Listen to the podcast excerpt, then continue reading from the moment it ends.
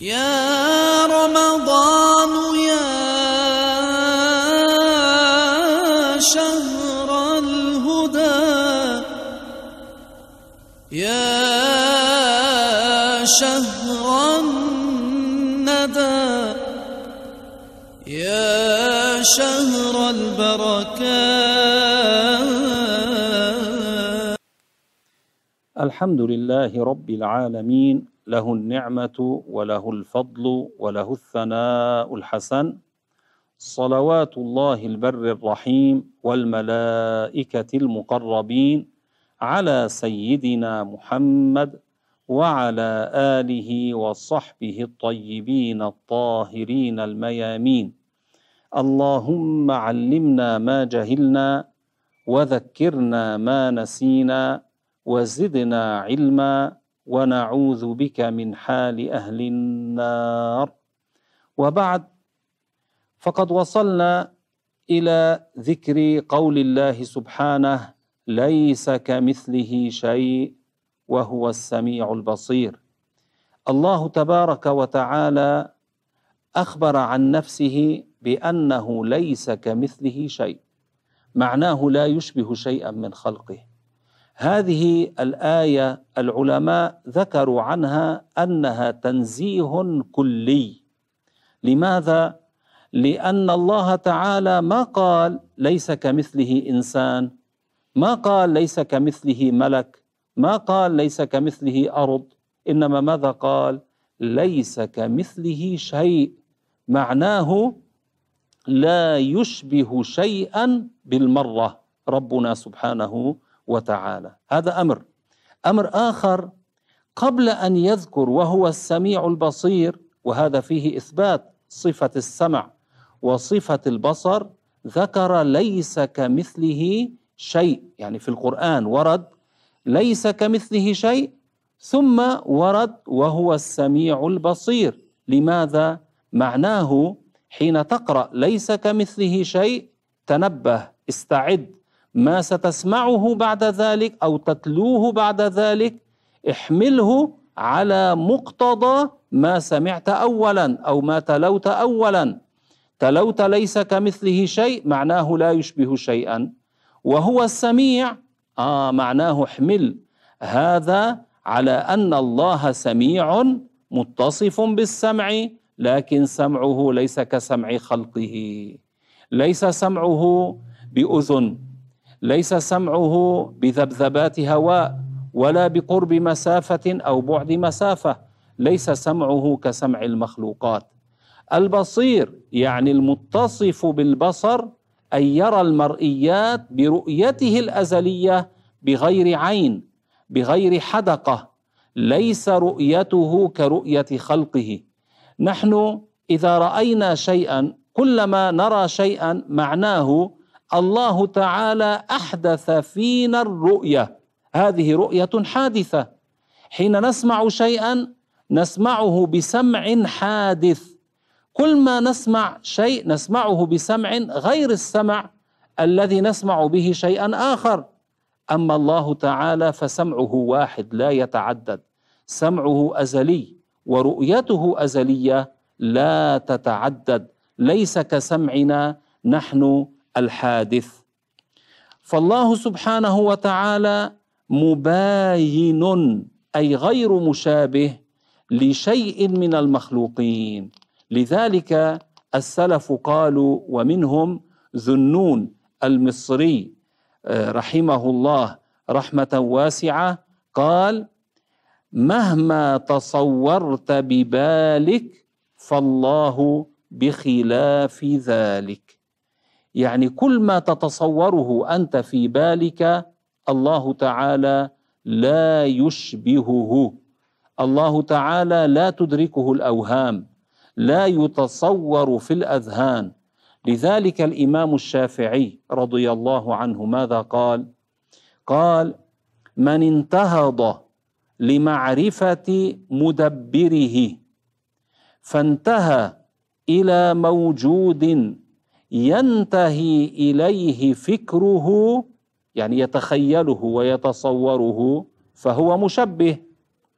وإن انتهى إلى العدم الصرف يعني إلى نفي وجوده فهو معطل. وإن انتهى إلى موجود واعترف بالعجز عن إدراكه فهو موحد. رحمه الله الإمام الشافعي. الله تعالى آتاه ما آتاه من حسن البيان ومن البركة في العلم وسعة العلم. هو قال من انتهض احفظوها هذه العبارة مهمة جدا توضح المسائل. من انتهض لمعرفة مدبره فانتهى إلى موجود ينتهي إليه فكره فهو مشبه وإن انتهى إلى العدم الصرف فهو معطل. وإن انتهى إلى موجود واعترف بالعجز عن إدراكه فهو موحد. الله تعالى يثبتنا على التوحيد على الكتاب والسنة. فهو القديم وما سواه حادث. الله تعالى هو القديم أي الذي لا أول لوجوده كما سبق وذكرنا. الله لم يسبق وجوده عدم. كل ما سوى الله سبق وجوده عدم. يعني ما كان موجودا ثم صار موجودا. لذلك قال وما سواه يعني ما سوى الله من العالمين حادث أي وجد بعد عدم يعني وجد بعد أن لم يكن موجودا. وهو الخالق سبحانه هو الخالق لجميع الكائنات لجميع الموجودات. وما سواه يعني كل العالمين مخلوق وهو الخالق وما سواه مخلوق أي له بداية. فالعالم الأرض والسماء والجنة والماء الذي في ناحية أخرى تحت العرش والعرش والكرسي كل هذا وجهنم أسفل الأرض تحت الأرض والأراضين السبع. وتحت الأراضين السبع هناك جهنم. كل هذا العالم ما كان موجودا ثم صار موجودا. الهواء الفضاء الظلام النور كل هذا لم يكن موجودا ووجد بعد أن لم يكن موجودا. من الذي أوجده؟ ربنا سبحانه. أول مخلوق أوجده الله تعالى هو الماء. الرسول عليه الصلاة والسلام هو قال كان الله ولم يكن شيء غيره وكان عرشه على الماء. معناه الله تعالى خلق الماء ثم خلق العرش من الماء وكان العرش الذي هو جعله ربنا سبحانه وتعالى بالنسبة للملائكة الذين يكونون حوله كالكعبة بالنسبة للمسلمين من أهل الأرض الذين يطوفون حولها. يعني العرش أليس الله تعالى قال وترى الملائكة حافين من حول العرش يسبحون بحمد ربهم معناه حول الملائكة حول العرش ملائكة لا يعلم عددهم إلا الله سبحانه. أكثر من عدد حبات تراب البحر. هؤلاء الملائكة يطوفون حول العرش وحين يصلون يسجدون على العرش. لذلك الله تعالى خلق العرش. ما جعل العرش مكانا لذاته؟ سبحانه. تنزه الله عن ذلك لأنه من الذي يكون في مكان؟ الحجم الجسم. والله سبحانه وتعالى ليس حجما وليس جسما. فاذا الله سبحانه وتعالى هو خلق العالم كله. فكل العالم ما كان موجودا سواء نوع العالم جنس العالم أو مادة العالم ما كانت موجودة ثم وجدت. هناك أناس يقال لهم الفلاسفة. قسم منهم قالوا بأزلية العالم وهؤلاء تفاوتوا في أي شيء يقولون عنه أزلي. لكن بالخلاصة قالوا عن غير الله أنه أزلي يعني ليس له بداية. وبهذا يكونون نفوا أن يكون مخلوقا لله سبحانه وتعالى. والله تعالى هو خالق كل شيء. لذلك مقالتهم هذه لو هم انتسبوا إلى الإسلام لأن من هؤلاء الفلاسفة من انتسب إلى الإسلام. فلو هم انتسبوا إلى الإسلام يكونون خارجين من الإسلام هؤلاء الفلاسفة. مثل ابن سينا والفارابي وابن رشد. هؤلاء العلماء ابن رشد الحفيد هؤلاء علماء المسلمين نصوا على فساد معتقداتهم وما اعتبروهم من جملة المسلمين الذين هم مسلمون بحق. وكذلك يوجد من خالف كذلك في هذا المعتقد بعد هؤلاء هذا اسمه أحمد ابن تيمية. هذا توفي سنة 728 للهجرة. هذا عرف أمره بين كثير من العلماء أنه خالف الإجماع وخالف عقائد أهل السنة والجماعة.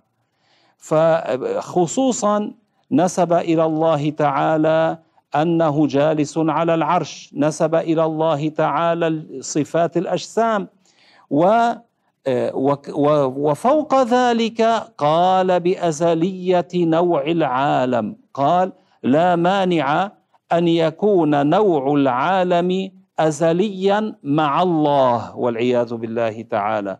وهذا والعياذ بالله تعالى. وهذا يخالف معتقد المسلمين. أليس ذكرنا أنه لا أزلي إلا الله سبحانه وتعالى؟ فاذا آه، ابن تيمية خالف في هذه المسألة. في سبعة من كتبه ذكر ذلك بل في أكثر. من هذا فينبغي أن نحذر كتبه ولا نشتغل بها.